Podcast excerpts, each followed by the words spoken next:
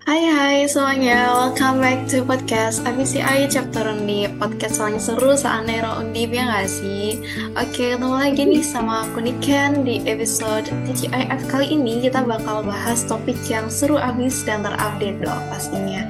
Nah tentunya aku ditemani sama anak-anak cantiknya FBCI nih, ada FBCI Girls. Nah kenalin diri dulu dong kak. Hai semua, aku Agnes, ketemu lagi ya teman-teman. Oh ya Niken, kita kali ini bakal ditemenin sama satu orang lagi nggak sih, si cantik? Oh iya, aku ambil lupa nih. Jadi di episode kali ini kita bakal denger suara baru nih guys. Kira-kira siapa ya? Nah, daripada kalian nunggu-nunggu nih, langsung aja nggak sih kita kasih space buat dia perkenalan? Ayo, hai Pika, boleh perkenalan diri dong. Halo kakak-kakak, kenalin aku Vika dari Hukum 22, bagian dari FPCI Chapter Undip, bertugas di divisi OND dan merupakan salah satu intern strategy program. Wah, soal kenal Vika. Eh, iya, kamu boleh tahu dong kasih tahu semuanya hari ini kita mau bahas apa? Nah, hari ini kita bahas topik yang lagi hangat banget nih kak, soal World Cup. Wih, asik banget nih kita mau bahas bola. Kayaknya sekarang lagi hype banget ya, apalagi bahas soal pemain-pemainnya yang katanya itu bakalan jago-jago banget gitu. Nah betul, nah World Cup kali ini bener-bener digemari sama semua kalangan tau Iya, apalagi karena diadain beda waktu ya, terus kayak lebih singkat dari season-season sebelumnya, jadi orang-orang jadi makin tertarik gitu loh. Apalagi nih, karena di gadang-gadang World Cup ini tuh paling mahal tau. Karena Qatar sampai bangun stadion sama hotel-hotel baru buat pertandingan World Cup ini. Nah itu dia, apalagi aku juga baru tahu nih kalau ternyata harga tiketnya tuh sampai 25 juta gitu. Pantes sih dicatur mahal, mana isinya bibi-bibi semua lagi ya kan. Bener banget sih Ken, BTW mainnya ini kalau nggak salah ada yang 30 grup gitu nggak sih?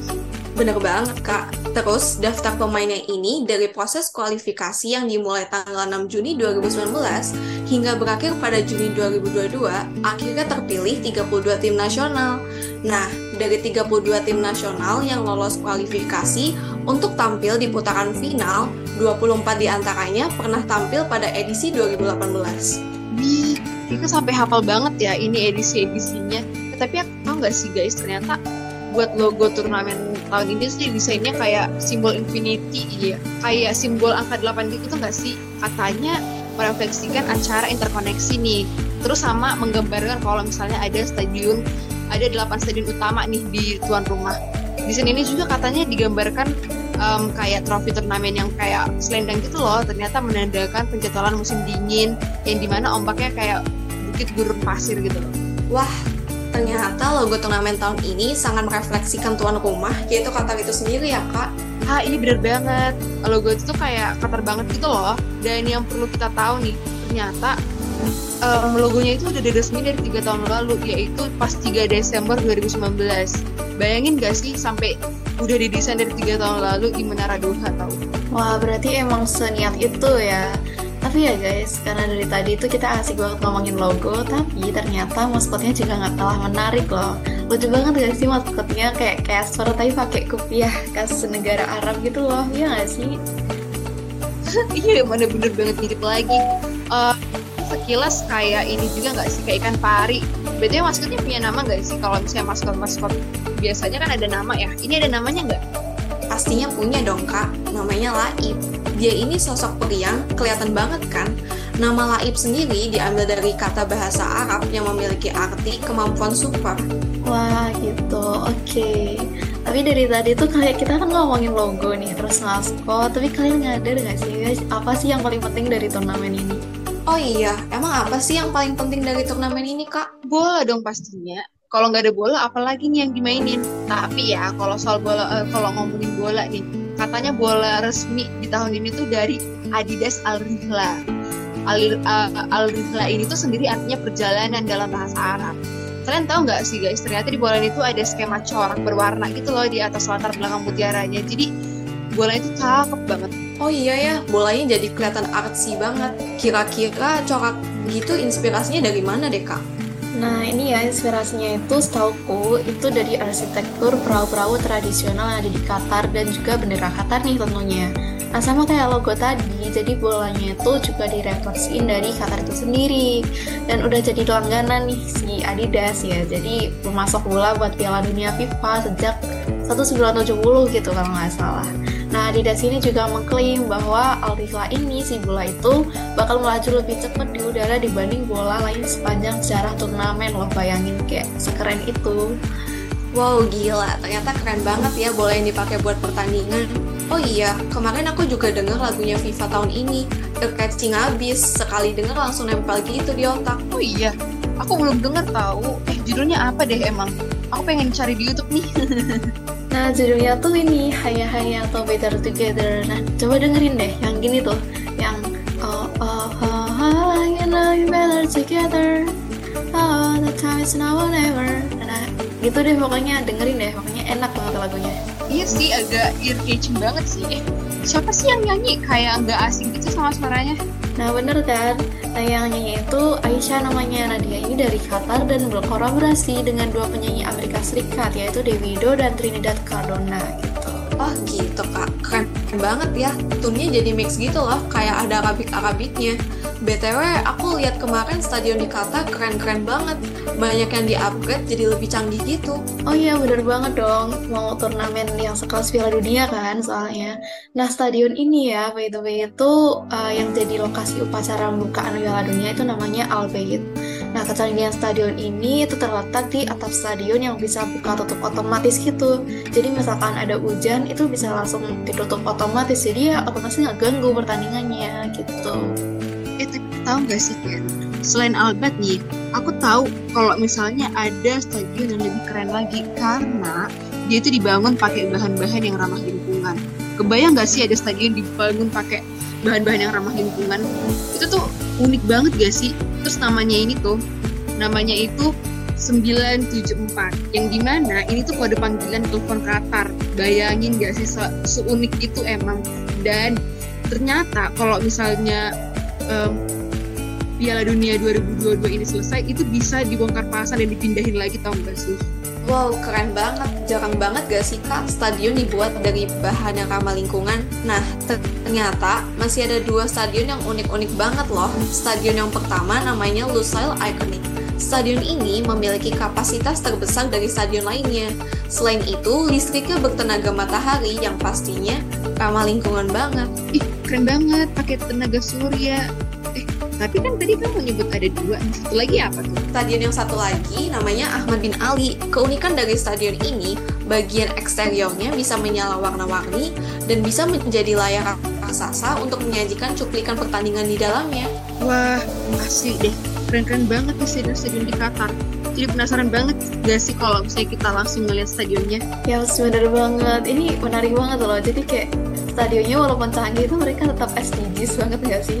Oh iya, oh iya guys, tapi tuh anyway ya, kalian tahu gak sih soal aturan-aturan Piala Dunia Qatar tahun ini?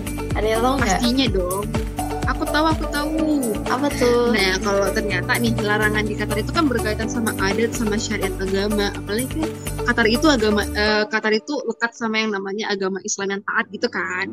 Jadi sampai sampai sampai tahu uh, Piala Dunia tahun itu tuh sampai dibilang paling kontroversial. Iya, betul sekali.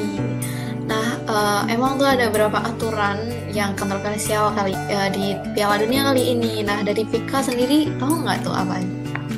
Oke, jadi kak, yang aku tahu itu ada larangan alkohol. Jadi, dua hari sebelum pembukaan Piala Dunia gitu, FIFA sempat mengumumkan larangan penjualan minuman beralkohol setelah berdiskusi dengan Qatar yang memiliki aturan ketat terkait hal itu. Tapi pada akhirnya direvisi bahwa Budweiser tetap diizinkan menjual bir beralkohol di zona FIFA Fan Fest dan tempat hiburan yang sudah ditentukan gitu sih. Nah, alright. Selain itu Qatar ini adalah salah satu negara paling ketat di dunia soal narkoba. Kalian tahu nggak ternyata kalau misalnya ada tuduhan penyelundupan narkoba itu bisa sampai kena hukuman mati tahu. Ya, jadi kalau misalnya kayak sekarang nih di bandara pihak-pihak berwenang itu kayak memindai memindai sama barang-barang sama atas penumpang gitu loh jadi mereka itu punya teknologi yang bisa menangkap apa namanya radar narkoba sampai sampai sedetail sedetail mungkin gitu loh Wah emang canggih ya Qatar ya. Oh iya selain alkohol dan narkoba nih, yang tiga sudah pasti dong Qatar itu melarang seks ya guys. Alkohol aja dalam tanda kutip itu diharamin kan dalam soal ini, apalagi soal seks. Nah di Qatar itu menganggap bahwa wanita dan pria lajang yang tinggal bersama itu merupakan sebuah kejahatan gitu. That's right. Qatar bahkan memiliki undang-undang ketidaksenonohan untuk menghukum pelaku seks di luar nikah. Tapi tahu nggak sih kak, pihak berwenang mengatakan pasangan yang belum menikah dapat berbagi kamar hotel selama Piala Dunia tanpa masalah. Oh, I see. Berarti itu ada toleransi ya. Berarti boleh tapi dalam koridor tertentu gitu ya. Iya kan, betul banget. Kalau misalnya gini nih, kalau misalnya pegangan tangan itu masih bisa ditoleransi. Tapi kalau pengunjung nggak, kalau pengunjung itu nggak boleh menunjukkan keintiman depan umum kayak kissing atau yang meraba-raba. Terus apalagi kan kalau misalnya hukum Qatar ini sangat-sangat strict sama yang namanya hubungan LGBT gitu loh. Jadi ya agak konsennya itu agak lebih berat gitu kalau misalnya ada hal yang terdampak LGBT tersebut. Nah, itu kak, hukumannya penjara 1 sampai 3 tahun lamanya. Jadi emang seketat itu kata sih. Oh iya benar-benar. Oh iya, ingat setahu tuh ya bahkan cross dressing alias memakai pakaian yang nggak sesuai gender juga diskrimin di uh, kriminalisasi loh. Iya betul. Kalau ngomong soal pakaian ya, Qatar juga punya aturan berbusana. Jadi pengunjung-pengunjung di sana itu nggak boleh pakai pakaian yang terbuka-terbuka, lengannya nggak boleh, terus kayak harus menutupi bahu sama lutut gitu loh. Iya, jadi mereka yang mengenakan celana pendek dan atasan tanpa lengan dilarang mendekati gedung-gedung pemerintah dan mall.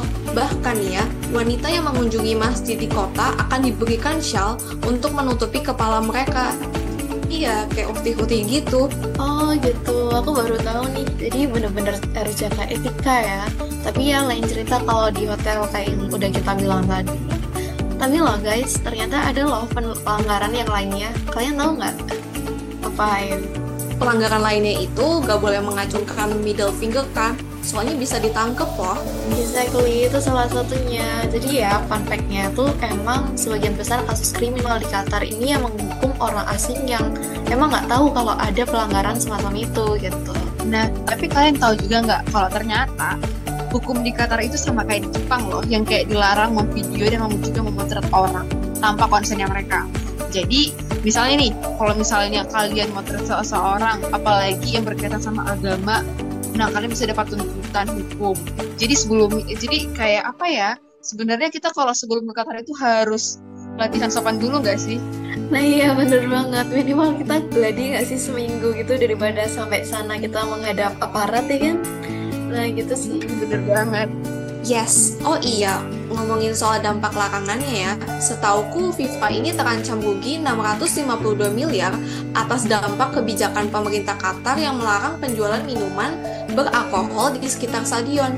Hal ini tuh endingnya jadi kontroversi karena dirilis dua hari sebelum pembukaan Piala Dunia 2022 berlangsung. Oh gitu ya, jadi pelanggaran ini akhirnya berbuntut panjang gitu ya? Iya, jadi ternyata nih kan kalau misalnya FIFA itu kan punya kesepakatan sponsor sama uh, bir Budweiser ini. Kalau nggak salah nilainya 75 juta US dollar gitu lah. Nah walaupun bir ini bilangnya kalau misalnya mereka bakal ini bakal memperjualbelikan Bud Zero nih tapi tetap nggak boleh nih di area stadion Yap, jadi Qatar sebagai negara muslim nggak sepenuhnya melarang alkohol, tapi penjualan dan konsumsinya dikontrol ketat. Jadi, alkohol hanya diperbolehkan di beberapa hotel dan restoran berlisensi khusus dan jauh dari jalanan gitu. Wah, ternyata banyak juga ya fun fact-nya di Piala Dunia Qatar kali ini. Um, tapi ya guys, uh, kita udah lama juga nih di podcastnya. Uh, kita nggak ini ya ngerasa ya, soalnya udah seru abis sih bahasanya. Mulai dari kita tadi bahas soal FIFA, terus logo yang mirip Casper, terus kemegahan stadion sampai aturan kesopanan. Jadi kayaknya ini waktunya kita buat pamit undur diri deh guys. Ah, so early, but it's okay guys, karena kita masih banyak episode lain kok. Ya nggak sih Vika? Iya kak. Nah, masih ada Bu Polin tentang politik internasional dan Sawadikap tentang kehidupan seputar mahasiswa dengan topik dan speaker yang nggak kalah seru pastinya. So, stay tune ya. SMA. Thank you so much nih Vika udah ngejelasin apa itu uh, Polin, apa itu Sawadikap dan thank you thank you juga nih buat teman-teman udah dengerin kita sampai sini dan semoga semua pembahasan kita tadi ini bisa bermanfaat dan menambah insight teman-teman semua. Nah, apalagi nih soal yang uh, menjaga kesopanan kita bisa terapin itu juga di hidup kita masing-masing nih jadi sebagai penutupnya kami di sini menyampaikan kalau misalnya semoga podcast kali ini bermanfaat buat teman-teman semua. Oke, okay? kalau gitu aku Agnes pamit undur diri. Aku Vika juga pamit undur diri. Aku Niken juga pamit. Thank you for listening and see you guys in the next episode. Bye. Bye. Bye.